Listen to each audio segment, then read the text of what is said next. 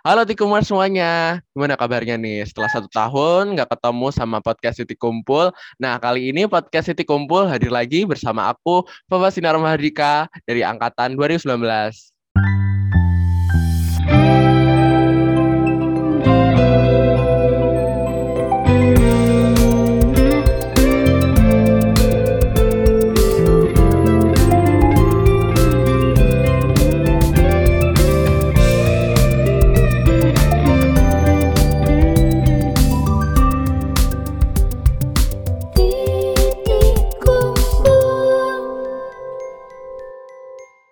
Teman-teman semuanya, balik lagi ke podcast Titik Kumpul. Yeay.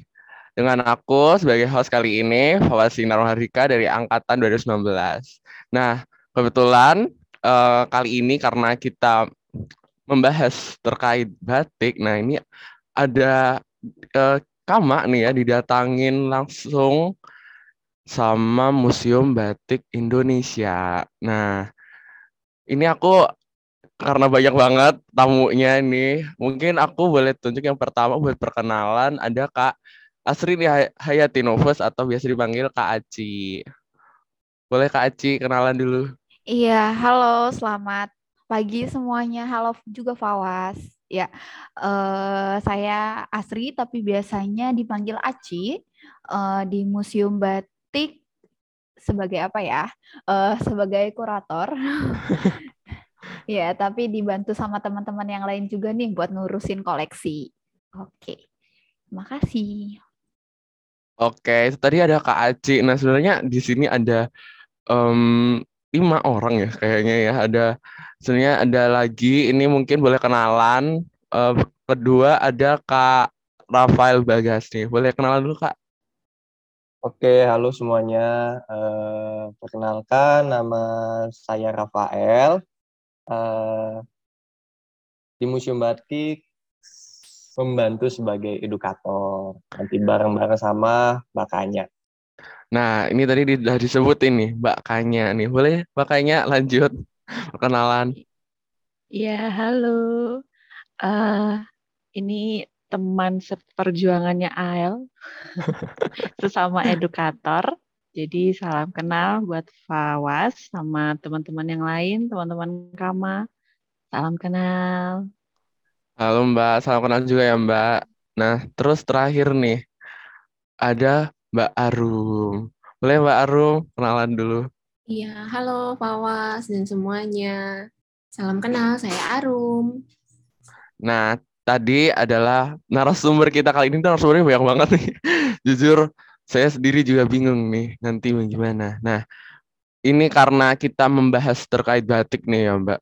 Ini kebetulan saya sendiri asalnya dari Solo, dari kota batik. Tapi penasaran ya Mbak, kan eh, kota batik ini kayak banyak banget ya yang kayak mungkin nyebutin kotanya ini kota batik gitu. Kayak Solo sebenarnya sebutannya bukan kota batik sih, tapi lebih emang kota batik soalnya batiknya banyak banget gitu kan.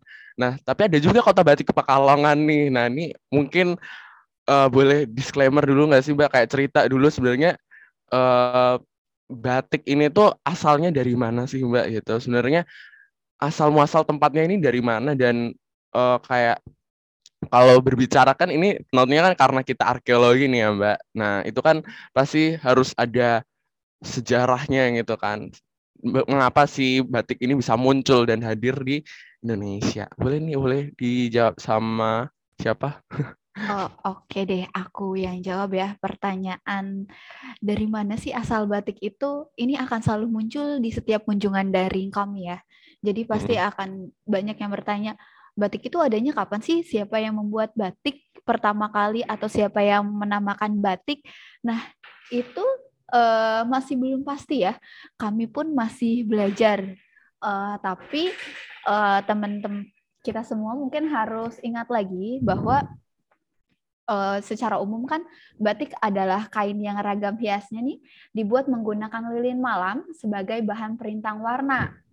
Uh, sehingga zat warnanya itu tidak akan mengenai kain. Sedangkan uh, alatnya sendiri berupa canting, uh, canting tulis maupun canting cap untuk teknik perintang warnanya sendiri sebenarnya itu sudah dikenal sejak lama bahkan sejak ribuan tahun yang lalu seperti ada di Mesir, Tiongkok, India dan Timur Tengah.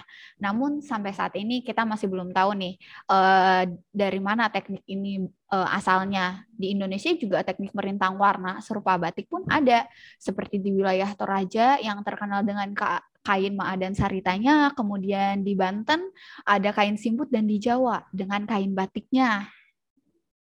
Tadi kan aku juga sempat bilang kalau asal mula batik di Indonesia tuh masih belum diketahui secara pasti ya. Tapi ternyata uh, udah ada penggambaran motif batik itu pada arca atau pada relief candi dan juga uh, di prasasti itu mungkin ya uh, ada apa ya ada penyebutan uh, mengenai mungkin tentang batik gitu. Uh, kalau misalnya dari relief candi di Candi Borobudur tuh ada tahu uh, motif-motif serupa mungkin kalau motif batik yang saat ini kita kenalnya dengan motif sido gitu. Terus di Arca pun uh, ada banyak seperti kalau di Museum Batik kita punya replika arca Durga Mahisa Suramardini dari Singosari itu dari abad ke-13 Masehi itu ada penggambaran motif patola. Motif patola itu dari India, kemudian sekarang berkembang menjadi motif jelang perang di Pekalongan dan motif nitik di Yogyakarta. Nah, tadi aku sempat sebutin di prasasti pun ada penyebutan uh, mungkin kita bisa bilang kayak batik gitu. Itu di abad ke-12 nyebutin kalau penduduk desanya diizinkan menggunakan kain uh, yang dihias dengan gambar berwarna. Nah, tapi apakah itu batik? Kita nah, pun ya masih harus cari tahu lagi kan. Kita juga masih harus mengkaji gitu. Jadi yang aku bisa bilang bahwa penggambaran motif batik itu udah ada sejak lama banget gitu. Di Candi Borobudur aja tadi udah ada. Jadi kemungkinan bisa dibilang batik itu udah ada sejak beratus-ratus tahun yang lalu ya. Iya sih bener mbak. Uh, kalau kalau aku kemarin baca-baca tuh ada bukunya dari siapa ya? Kalau nggak salah tuh Leslie Pullen deh. Itu tuh judulnya Pattern Splendor. Nah itu tuh dia kayak uh, menjelaskan gitu perkembangan tekstil lewat uh, budaya materi berupa arca-arca gitu kan di Indonesia. Nah itu disebutin kalau sebenarnya uh, apa ya? Mungkin kemunculan pertama kali itu tuh abad 8 karena kan ada uh, Oh, apa ya, namanya Arca, ya dari abad apa? Iya. Iya benar. Nah itu itu iya. kayaknya mungkin bisa ditarik dari situ nggak sih kak? Jadi menurut kalau menurutku kalau baca terkait uh, bagaimana sejarahnya sih ya sebenarnya kalau sejarah batiknya sendiri itu bisa ditarik sampai abad ke-8 tapi kalau pengen lebih panjang lagi gitu ya sebenarnya itu kan batik ini katanya ya mbak ya. Eh, katanya ya kak. Itu tuh uh, kayak dari Asia gitu kan uh, apa namanya kebanyakan di Asia gitu. Cuman karena kata batik ini tuh merujuknya ke batik Indonesia. Nah makanya makanya batik tuh jadi mungkin warisan budaya Indonesia. Nah ngomong-ngomong terkait warisan budaya nih mbak. Uh, mungkin ini aku ada pertanyaan nih uh, kayak kan banyak ya uh, kayak di di Cina juga mereka mengenal teknik yang sama gitu dari suku Miao kan. Nah, terus uh, kenapa batik ini tuh bisa menjadi warisan budaya UNESCO di Indonesia gitu. Terus gimana ceritanya nih batik bisa jadi warisan budaya UNESCO gitu. Boleh nih siapa yang mau jawab? Aku yang jawab lagi nih kayaknya. Mbak. uh, proses batik menjadi warisan budaya tak benda dunia itu sebenarnya panjang ya. Mm. Tapi mungkin uh, secara formalnya ini dimulai kalau yang aku tahu ya, uh, mungkin dari teman-teman yang lain bisa menambahkan, ini secara formalnya diajukan uh, pada bulan September tahun 2008 nih. Uh, pemerintah mendaftarkan batik ke dalam daftar warisan kemanusiaan untuk budaya lisan dan non bendawi UNESCO. Nah, ini di tahun 2008 mengajukannya. Uh, terus akhirnya diproses itu dan di bulan Oktober 2009 tepatnya di, di tanggal 2 uh, eh, batik Indonesia itu dikukuhkan ke dalam daftar warisan kemanusiaan untuk budaya lisan dan non bendawi. Nah, kan uh, UNESCO tuh menetapkan ada lima domain nih. Jadi kalau warisan budaya tak benda negara itu kalau mau jadi diakui oleh UNESCO atau masuk ke dalam daftar warisannya itu harus memenuhi beberapa domain yang telah ditentukan. Nah, domain yang pertama itu tradisi dan ekspresi lisan termasuk bahasa sebagai wahana warisan budaya tak benda. Nah, batik itu termasuk karena uh, batik ini merupakan apa ya tradisi gitu uh, dari nenek moyang kita. Kemudian juga uh, pengetahuan mengenai batik diturunkan secara uh, lisan ya. Dulu kan nggak ada sekolah batik, jadi ya pasti lewat omongan kayak oh saya tahu batik dari ibu saya, ibu saya tahu batik dari nenek saya gitu, nenek saya tahu batik dari uh, ibunya lagi yang kayak gitu. Jadi memang uh, termasuk ke dalam domain yang tradisi dan ekspresi lisan ini. Kemudian batik juga uh, termasuk ke dalam kebiasaan sosial dan adat istiadat masyarakat ritus dan perayaan-perayaan. Nah, ini yang menarik karena ternyata uh, mengapa batik Indonesia yang ditetapkan? Karena batik Indonesia itu uh, terkait dengan daur kehidupan manusia. Nah, mungkin kalau Fawas kan orang Solo ya, mm -hmm. tadi pasti di setiap upacara-upacara daur kehidupannya nih, misalnya kamu mungkin pernah merhatiin uh, misalnya kalau ada orang yang sedang menikah gitu uh, pasti pasangan uh, entah orang yang sedang menikahnya atau ibu bapaknya itu mengenakan kain batik. Nah kain batiknya pun uh, berbeda-beda motifnya. Dan itu juga uh, si motifnya itu kayak mengandung harapan uh, harapan untuk yang mengenakannya. Jadi itu pasti terkait dengan daur kehidupan manusia. Dari dari kita masih dalam kandungan nih sampai meninggal itu juga pasti pakai kain batik gitu. Apalagi buat daerah-daerah seperti Yogyakarta atau Surakarta. Kemudian juga eh, batik Indonesia ini termasuk ke dalam kemahiran kerajinan tradisional. Kan kita eh, batik itu kan sebenarnya sebuah nilai ya, tapi menghasilkan produk gitu. Produknya itu batik eh, dan ini di kemahiran ini juga berarti ada si perajinnya gitu. Ada orang yang membuatnya, mereka juga harus mahir nih membuat batik. Dan proses pembuatan batik ini kan sangat panjang ya. Dari harus membuat pola sampai jadi itu memerlukan proses yang sangat panjang. Jadi eh, batik batik Indonesia itu termasuk ke dalam tiga domain tersebut. Nah, tadi bicara mengenai batik yang ada di Cina, memang suku Miao pun ternyata ada uh, ada teknik merintang warna dan menghasilkan produk yang serupa batik. Mereka pun pak, kemungkinan pakai lilin malam panas dan juga pakai cantingnya. Uh, tapi memang yang paling apa ya, yang mungkin karena diajukan lebih dulu oleh orang Indonesia gitu, oleh pemerintah Indonesia dan sampai saat ini pun batik gitu dari dulu sampai sekarang masih uh, digunakan gitu dan masih ada uh, nilai nilai-nilainya dan digunakan dalam ke uh, upacara dan sebagainya. Makanya yang di, yang ditetapkan itu batik Indonesia. Seperti itu sih. Semoga menjawab pertanyaannya nih. Ceritanya panjang banget sih. oh, maafin kepanjangan ya. Sorry, sorry.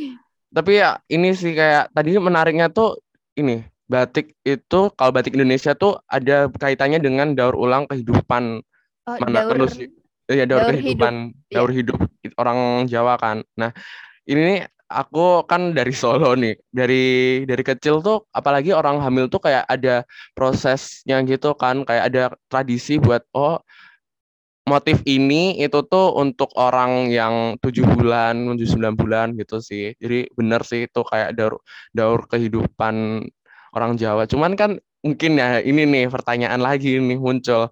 Kan berarti batik ini tuh kayak ini kan Mbak kayak uh, identik dengan kebudayaan Jawa. Tapi kenapa ada muncul batik Indonesia nih? Nah, mungkin bisa dijawab itu.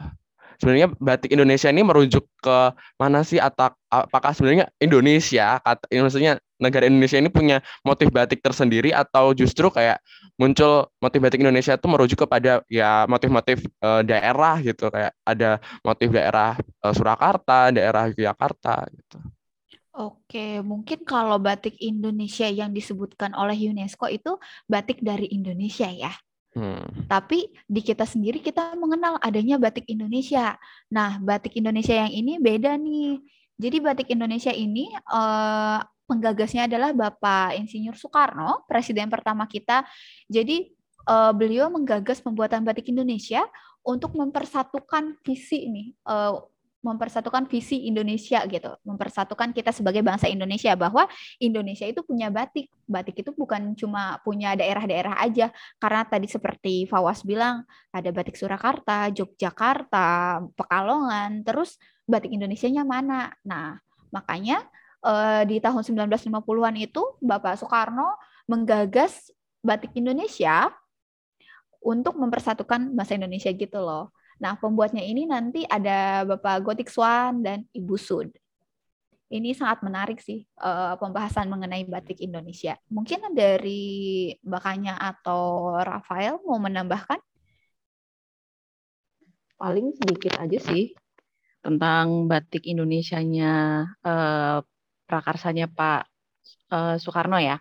Jadi memang waktu itu seperti yang tadi Aci bilang, untuk mempersatukan bangsa Indonesia ya kan kita uh, terdiri dari banyak sekali uh, budaya dan hasil-hasil uh, budayanya juga beda. Nah itu dipersatukan di satu motif uh, atau mungkin ada banyak sebenarnya batik Indonesia itu motifnya.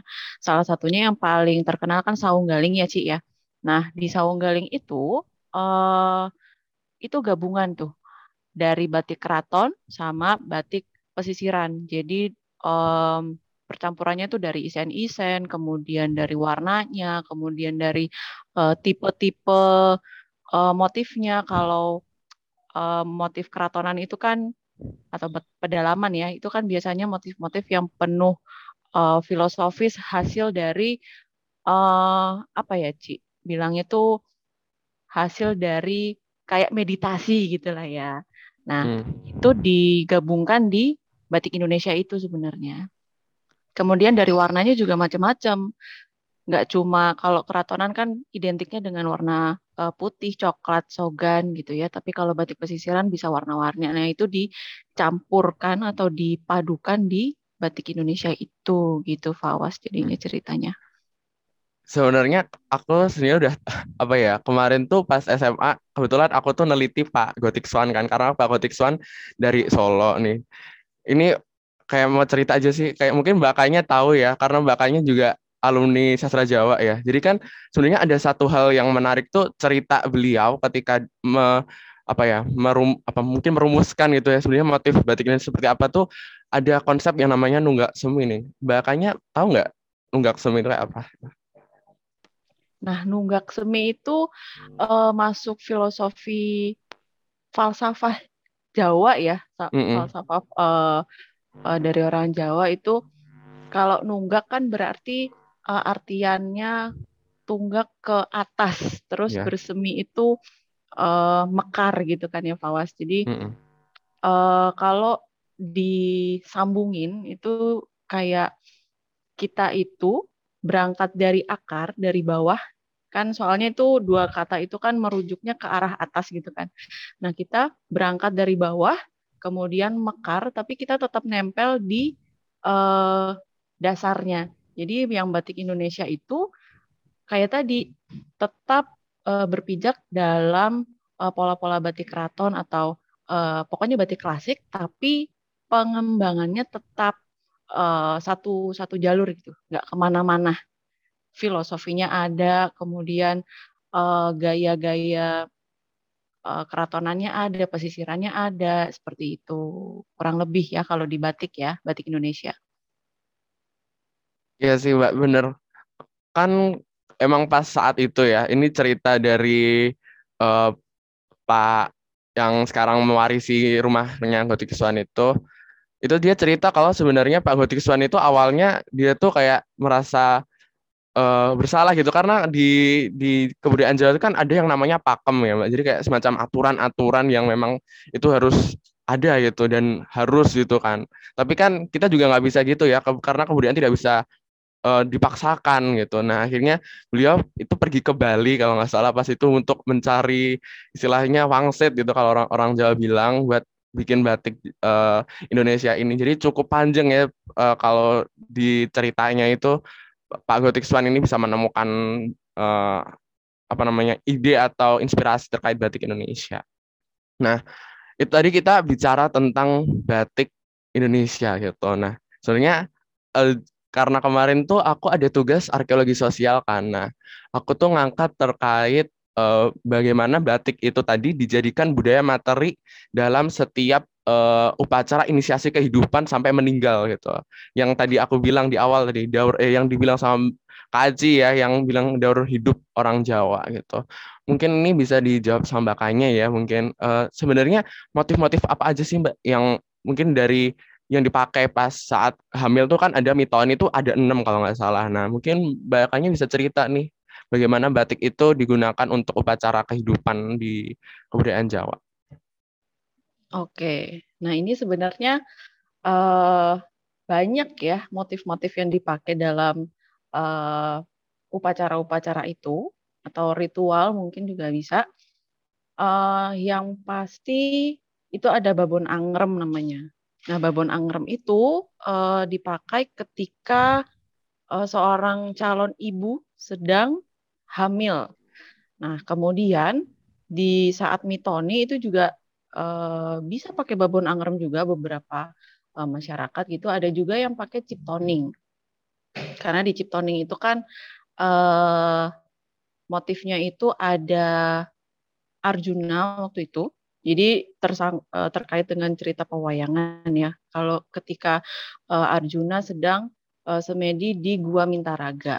Nah, itu penuh dengan godaan uh, tapi pada akhirnya Arjuna uh, lolos dari ujian-ujian uh, itu. Nah, digambarkan di batik Ciptoning itu dengan uh, harapan supaya calon uh, bayinya itu bisa uh, teguh pendirian terus ya pokoknya doa-doa baik seperti itulah. Nah, kemudian banyak juga kayak apa namanya? Truntum, kemudian sido asih, pokoknya motif sido-sido itu itu dipakai ketika uh, prosesi perkawinan, pernikahan. Nah, uh, sebenarnya kalau motif-motif itu uh, berangkat dari uh, keraton karena motif-motif uh, atau ornamen-ornamen di keraton itu ada pokoknya semuanya ada maknanya ya kan Fawas ya sampai bahkan uh, kalau di bangunan keraton itu yang pilarnya ada berapa oh itu maknanya apa ya, terus benar. ada di gerbang uh, gerbang keraton ada naganya oh itu artinya apa gitu kan ya mm -mm. nah jadi uh, semua itu apa yang dilihat oleh uh, para pembatik itu dituangkan di sebuah motif itu yang ditujukannya uh, sebagai sebuah harapan. Nah itu sebenarnya ada banyak banget sih Fawas untuk uh, motif-motifnya, tapi kurang lebih yang uh, sering dipakai itu yang uh, seperti itu motif-motif sido yang uh, belah ketupat kemudian tadi ada truntum terus ada babon angrem terus ada satu lagi itu uh, wah kok tiba-tiba aku jadi lupa ya nama motifnya ya pokoknya ada banyak deh ada banyak yang pasti Iya benar. Aku sendiri orang Solo nggak hafal mbak. Memalukan memang. Ya ampun tidak cinta budaya Indonesia. Saya. Tapi memang saking nah, banyaknya loh Fawas yang dipakai. Karena uh, Awak, uh, yang pasti aku juga gini sih bukan mbak. parang. Iya benar benar.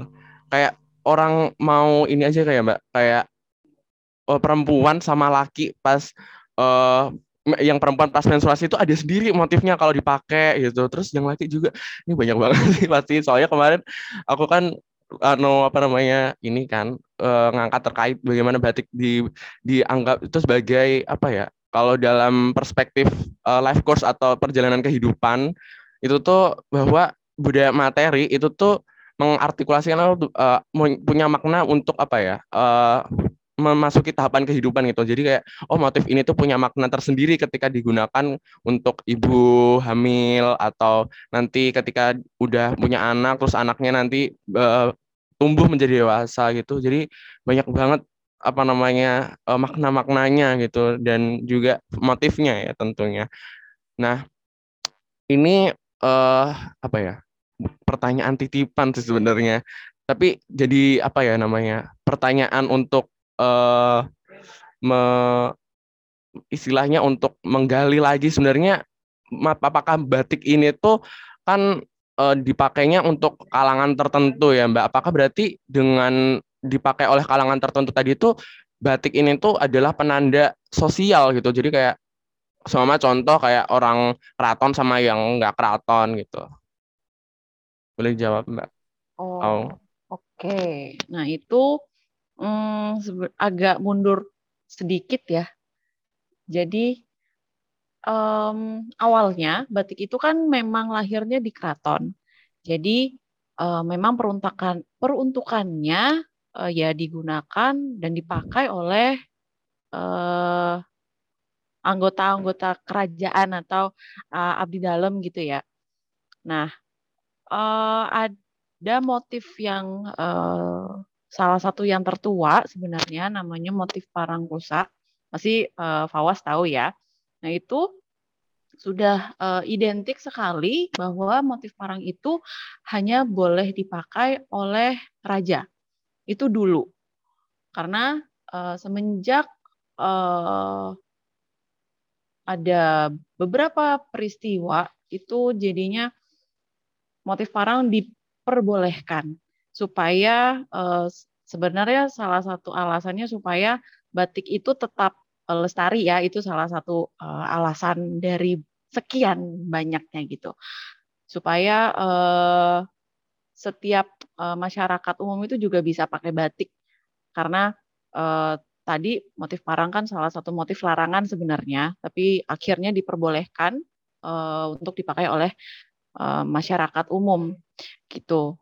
Motif kawung juga sebenarnya masuk ke motif larangan karena um, maknanya itu kalau orang Jawa bilang motif kawung tuh uh, penuh dengan kesucian terus uh, kemurnian gitu ya. Makanya uh, hanya dipakai oleh uh, raja juga dan uh, anggota keluarganya. Pokoknya uh, satu lingkungan keraton itu deh. Nah makanya uh, ketika dibawa keluar, kita juga harus hati-hati nih untuk memakai motif larangan. Jangan sampai motif-motif uh, itu diaplikasikan atau dipakai di kesempatan-kesempatan uh, yang salah. Jadi kayak motif parang kok dipakai untuk uh, motif keset gitu ya kan jangan sampai karena itu sebenarnya motif agung yang diagungkan oleh orang Jawa uh, sendiri motif parang motif kawung gitu ya uh, jangan sampai juga jadi motif untuk tegel dan uh, lain sebagainya yang uh, sebenarnya tidak uh, pas atau tidak pantas lah gitu. Untuk motif-motif uh, ornamen dinding itu juga masih nggak apa-apa lah. Pokoknya jangan yang uh, kesannya tuh diinjak. Yang sepele-sepele gitu ya mbak. Sepele, sepele nggak hmm. apa-apa kayak ornamen gitu nggak apa-apa. Cuma um, yang peruntukannya untuk apa dulu? Kalau diinjak-injak atau buat uh, motif tempat sampah kah gitu yang ya? merendahkan di bandara sih, ya. di bandara atau di mana sih yang motif iya, ya. parang atau kaum di lantai itu? Betul. Di uh, ada di hotel-hotel mungkin ya di beberapa tempat publik lah. Itu dijadikan motif karpet oh, itu uh, sebaiknya dipikirkan lagi motif-motif lain yang lebih aman gitu ya. Iya sih. Sebenarnya itu identik sih dengan raja dua untuk sementara dua motif itu yang paling uh, kental kaitannya dengan status ya dengan status gitu. Hmm. Ini sih kalau uh, kalau di Solo sendiri ya ini sebenarnya juga miris sih. Dulu kan kalau di sekolah aku tuh ini uh, di uh, sekolahku tuh ada yang namanya hari Kamis itu kita pakai jangkep gitulah. Jadi kayak pakai base cap sama jari gitu. Nah, ini ada satu temen nih. ya kan kalau di Solo kan masih kerajaan ya, Mbak. Uh, jadi kayak uh, ada temanku ini satu satu kelas uh, dia ini keturunan gitu, masih gerat, oh, iya, masih ningrat lah gitu. Terus ada temanku nih yang orang biasa gitu, uh, rakyat jelata. dia pakai motif yang larangan tadi gitu. Terus ini pas SMP ini SMP gitu. Terus habis itu sama uh, sama itu pas itu mata pelajaran bahasa Jawa dia nggak salah. Eh, bukan kesenian daerah. Guruku apa namanya guruku yang suka uh, kan ini kesenian daerah tuh karawitan kan. Nah, guruku ini kan suka ngendang dan kebetulan dia tuh pengrawit yang emang suka ditanggap sama orang-orang keraton kan. Nah, terus kayak lu kowe iki ya wong wong keraton ya gitu kan. Temenku yang pakai motif itu tadi yang larangan gitu. Terus enggak Pak, bukan, bukan itu. Terus terus sama temenku tuh di, diceritain tuh sejarahnya itu jadi kayak memang sebenarnya apa ya kalau di Solo sendiri emang emang masih kental sih kalau gitu. Tapi sekarang ya kalau aku lihat tuh banyak banget motif larangan-larangan tadi itu digunakan bebas itu. Bahkan kemarin aku pas terakhir ke kondangan itu tuh ada yang pakai tuh orang gitu. Padahal bukan orang keraton gitu. Jadi kayak karena mungkin globalisasi jadi eh, sekat-sekat antara raja dan rakyat jelata udah nggak ada gitu. Itu sih sedikit cerita gitu bagaimana kondisi sebenarnya uh, apa penggunaan motif larangan gitu. Tapi menariknya nih mbak kan banyak nih ya orang sebenarnya oh ya tahu batik itu tuh uh, warisan budaya Indonesia gitu kan. Tapi sayangnya nih ya mbak uh, ya orang kuantitas ya secara kuantitas memang sekarang batik udah banyak gitu dilestarikan tapi secara kualitas gitu ya semacam kayak tadi gitu eh, pengetahuan terkait mana yang boleh digunakan antara motif larangan sama yang enggak gitu. Itu kan banyak masyarakat yang nggak tahu gitu kan. Nah eh, kalau eh, Mbak atau Kak nih yang di sini gitu melihat fenomena ini tuh sebenarnya gimana sih sebenarnya? Apakah pemerintah ini tuh kurang menggalakkan sosialisasi atau sebenarnya perlu nggak sih kita sosialisasi besar-besaran gitu kayak dari tempat ke tempat terkait bagaimana sih sejarah dan cerita batik dan fungsi penggunaan batik ini? Boleh deh ya mungkin kali ini akan saya yang jawab ya Fawas ya tadi kan udah banyak ya tadi kan udah banyak dijelaskan mengenai sejarah batik dan uh, bagaimana sih pentingnya batik bagi kehidupan manusia itu sendiri. Nah, batik ini kalau di masa sekarang kan ya uh, terlepas dari banyaknya hal-hal aturan yang harus uh, kita lakukan untuk memakai batik. Contoh tadi yang Fawas jelasin waktu pengalaman temennya dikira orang keraton, ternyata dia orang biasa yang nggak tahu cara apa ya pemilihan motif yang tepat seperti apa kan. Cuman yang uh, mau kita tarik di sini adalah bagaimana kita bisa uh, memperkenalkan batik itu ke masyarakat luas apakah uh, apakah harus dengan mempelajari nilai-nilai luhur atau nilai-nilai penting dari batik sejarah batiknya dan segala macamnya.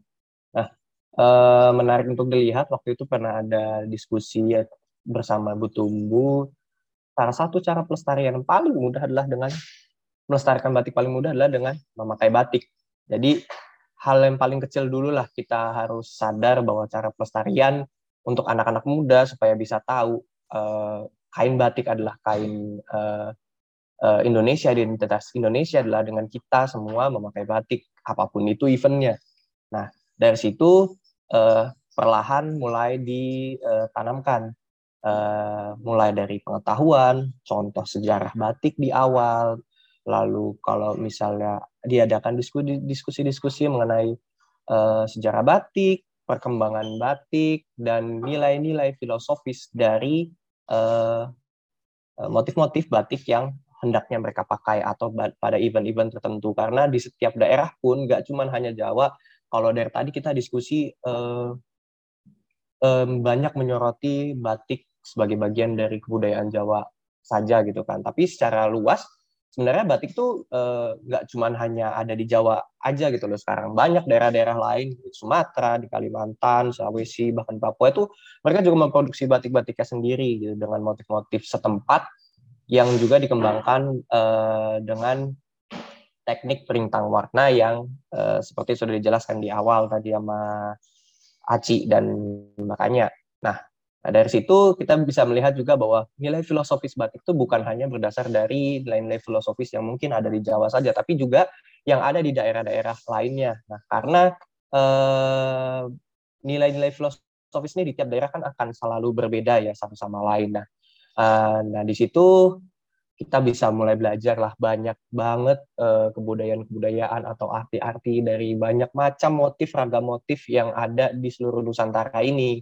Nah, jadi langkah kecil, langkah awal yang gampang kita lakukan adalah dengan memakai batik itu dulu supaya kita uh, punya rasa memiliki lah akan kain batik dan uh, batik itu sendiri sebagai bagian dari budayaan kita. Mungkin dari saya begitu sih pandangannya sih, Pak Was. Setuju sih Kak Ael, benar. Cuman ini kebiasaan orang Indonesia kalau pakai batik cuman di tanggal 2 Oktober aja, hari batik.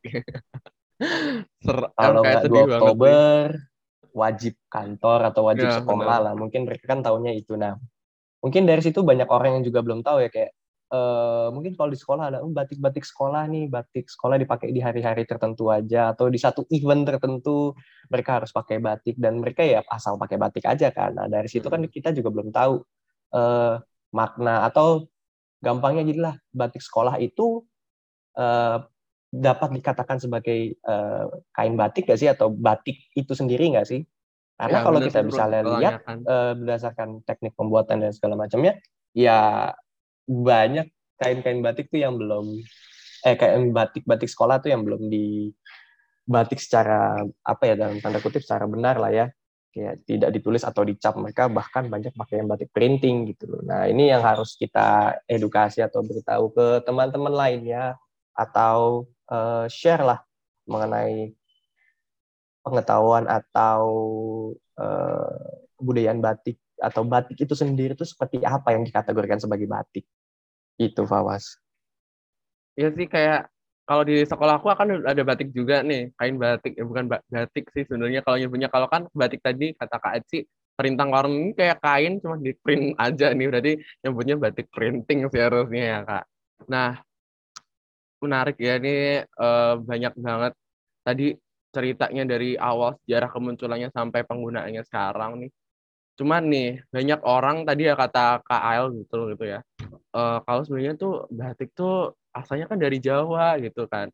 Nah mungkin nih kak, mungkin bisa diceritain gak sih kayak bagaimana awalnya yang muncul di yang berpusat dari kebudayaan Jawa? Terus sekarang banyak banget nih batik bermunculan uh, di kota-kota tertentu gitu. Kayak misal di luar Jawa ya kayak batik Papua. Ada sih sebenarnya batik Papua tuh kayak um, motifnya kan beda ya kalau motif uh, kita kan kayak ada uh, motif Sidodadi, terus yang tadi disebutin Mbak Arum, eh Mbak Kanya gitu. Tapi di sana kan motifnya beda ya kayak motif apa sih itu namanya lupa yang manusia oh, yang muka manusia tapi kayak di stilasi gitu di desain-desain gitu.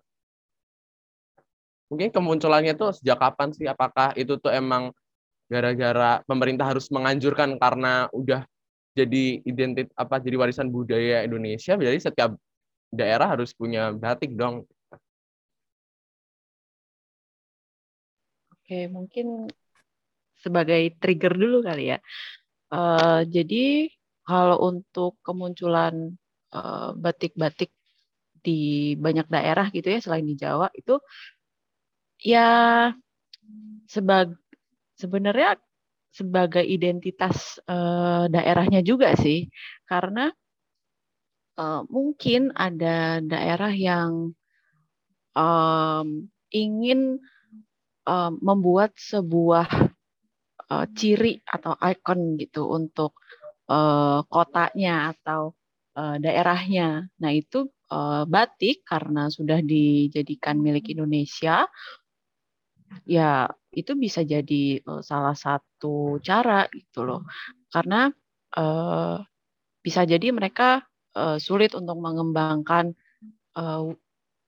hasil-hasil budaya yang lain. Tapi kalau batik oh kita bisa minta uh, ajarin orang Pekalongan misalnya gitu. Jadi um, sebagai identitas aja sih sebenarnya. Kayak uh, di Maluku di Maluku itu juga ada batik, mereka bikin batik, mereka bikin tenun juga. Itu sebagai um, hasil pengembangan aja sih. Meskipun mereka sudah punya tenun di Maluku itu atau di Ternate, tapi uh, mereka juga ingin mengembangkan hasil-hasil uh, seni yang lain gitu loh. Itulah kenapa sekarang mulai banyak bermunculan daerah-daerah selain di Jawa itu batik-batik memang motifnya jadi macam-macam ya. Ada yang motifnya mungkin motif apa El yang di Palembang? Eh, kok Palembang? Yang di Lampung itu motif gajah atau motif yang motif mahkota siger, itu motif oh, ya. siger, gajah. Betul, yang kayak gitu-gitu itu ya balik lagi supaya mereka um, punya icon yang nanti nyambungnya ke oleh-oleh uh, wisata gitu loh. Gitu, Fawas. Nyambungnya nanti ke situ bisa. Nah, ya sih bener Mbak kayak kan buat menarik wisatawan ya. Ini kan aduh mau cari batik kok ya harus di Solo gitu padahal di kota sendiri sebenarnya ada batik gitu kan nah uh, ini nih kan tadi batik dan identitas karena kalau orangnya aja nggak mau pakai batik ya bagaimana identitasnya uh, bisa dijaga kan nah, mungkin ada uh, kayak semacam pesan nih mbak atau untuk menutup apa namanya uh, podcast kali ini itu ada yang pesan disampaikan untuk uh, masyarakat umum atau anak-anak generasi milenial nih? Buat nggak menutup sih, mungkin kami mengulang ini ya, mengutip Ibu Ninik Masina nih, biasanya setiap kami kunjungan daring, kami akan menyampaikan uh, kutipan dari Ibu Ninik Masina bahwa uh, apa ya makanya kok saya lupa tiba-tiba ini generasi muda harus uh, iya, melestarikan gitu. warisan budaya nenek moyang agar tidak hilang di telan masa. Nah, batik pun merupakan warisan budaya nenek moyang. Dan kita nih sebagai generasi muda dari anak kecil sampai yang paling yang sudah dewasa pun kita masih bisa nyebutnya sebagai generasi muda ya. Semuanya harus ikut turut serta dan wajib untuk melestarikan uh, si batik ini. Mungkin seperti kata Ael tadi bahwa ya mulai dengan memakai batiknya, tapi memakai batik pun kita harus hati-hati apakah itu batik beneran atau batik asli atau cuma tiruan batik aja atau mungkin seperti yang printing-printing itu kita nggak nyebutnya batik ya tapi itu cuma kain bermotif batik gitu uh, mungkin itu uh, mungkin juga ada tambahan mungkin dari Mbak Aru Oke, okay. ini berarti udah terakhir ya, Fawas ya? Iya, Mbak Aru. Iya, Mbak Aru baru muncul. Kan, kan terakhir aja. Iya. Jadi uh, pelestarian itu sebenarnya sebuah proses yang panjang ya jadi gitu fawasnya jadi uh, bukan sekedar memakai saja itu kita sudah melestarikan. Nah kalau kita memakai yang membuat siapa? Kita semua mau memakai gitu. Jadi uh, jangan lupa ada yang namanya ekosistem dalam pelestarian itu gitu. Jadi dari rantai pertama sampai terakhir itulah pelestarian misalkan. Jadi kalian bisa milih nih mau mau berkontribusi dalam pelestarian tuh di part yang mana gitu Misalkan dari proses produksi, oh saya uh, senangnya berkontribusi untuk uh, desain motif, atau lebih mundur lagi ke penyediaan bahan baku, misalkan uh, penyediaan bahan uh, alam ya, pewarna alam. Saya sebenarnya ahli biologi gitu, ngertinya biologi. Jadi uh, ambil peran di uh, pengembangan bahan-bahan pewarna alam. Kemudian di pengembangan di kainnya sendiri, pengembangan di motifnya, pengembangan di teknologi pembuatan batiknya. Nanti ada lagi yang ah saya hobinya pemasaran. Ya udah berarti ambil peran untuk pemasaran batik. Uh, saya nggak bisa apa-apa, saya bisanya make aja gitu. Ya udah berarti saya ambil peran sebagai konsumen gitu. Jadi pelestarian itu panjang. Bisa silahkan pilih perannya mau ambil di mana. Seperti itu Fawas gitu. Kayaknya itu udah terakhir ya teman-teman. Terima ya, kasih banyak. Sekali. Nah itu tadi bincang-bincang ya dengan uh, mungkin bisa dibilang dari Museum Batik Indonesia. Nah, tadi uh, kita bisa tahu banyak banget cerita asal-usul dari mulai asal-usul, terus bagaimana perkembangan batik, terus bagaimana fungsi batik dalam kebudayaan uh, Jawa pada khususnya dan Indonesia pada umumnya, terus bagaimana motif batik ini tersebar gitu ya, bisa sampai ke seluruh Indonesia dan cerita terkait bagaimana batik ini bisa jadi warisan budaya di uh, UNESCO gitu dan ditetapkan oleh UNESCO dan mungkin aku sedikit promosi ya Mbak Kak dan semuanya uh, jangan lupa nanti di tahun 2002 kan ini sudah mulai kan ya apa pemerintah menggalakkan apa namanya pemulihan ekonomi nasional gitu kan ya termasuk juga ini museum tuh udah dibuka untuk umum kan ya, Mbak? Kalau nggak salah, Museum Batik udah mulai bisa kunjungan fisik ya di tahun depan. Ya, doakan saja tahun depan sudah beres bisa langsung dikunjungi. Kita lagi siap-siap. Nah, ngomong-ngomong kunjungan fisik ini sebenarnya Museum Batik perlu dikasih tahu dulu kali ya Museum Batik itu ada di mana gitu. Di okay. mana ya Mbak? Ini ya di. Nah, biasanya ini, mbakanya nih. Ini bagian promosi, saya. Promosi. Jadi ini nanti kalau teman-teman um, semuanya mau ke Museum Batik, itu silakan masuk ke Taman Mini dulu ya. Taman Mini Indonesia Indah karena uh, kami ada di Taman Mini.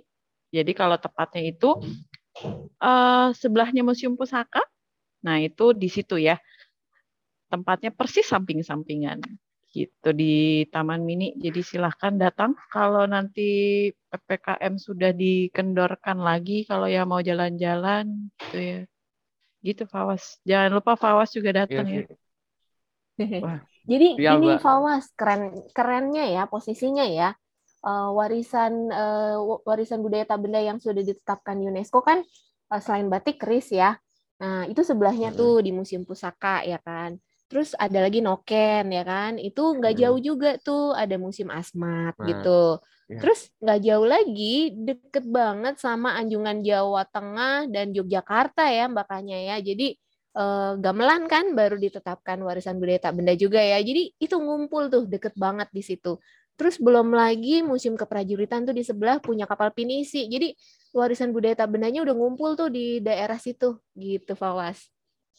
Iya, aku jadi ingat dulu tuh pas dari 2019 sebelum pandemi ya, ini aku dan angkatan arkeologi 2019 tuh main ke TMII. Nah, itu aku main ke itu ada yang ke Museum Asmat ada, terus ke Anjungan Jawa Tengah nih ada juga. Aduh, jadi pengen ke sana lagi. Nah, tadi jangan lupa teman-teman kalau udah mulai uh, bisa berkunjung fisik, jangan lupa untuk kunjungi Museum Batik Indonesia yang ada di Taman Mini. Jangan lupa dekat Museum Pusaka ya, Mbak. Nah, uh, mungkin itu saja dari aku Fawasi Narwarika dan terima kasih banyak sebelumnya kepada Museum Batik Indonesia yang sudah mau hadir di podcast kami yaitu podcast Siti Kumpul dan jangan lupa tetap menggunakan salam museum di hatiku. Ye, makasih Mbak Kak semuanya. Ye, terima kasih. Terima kasih juga.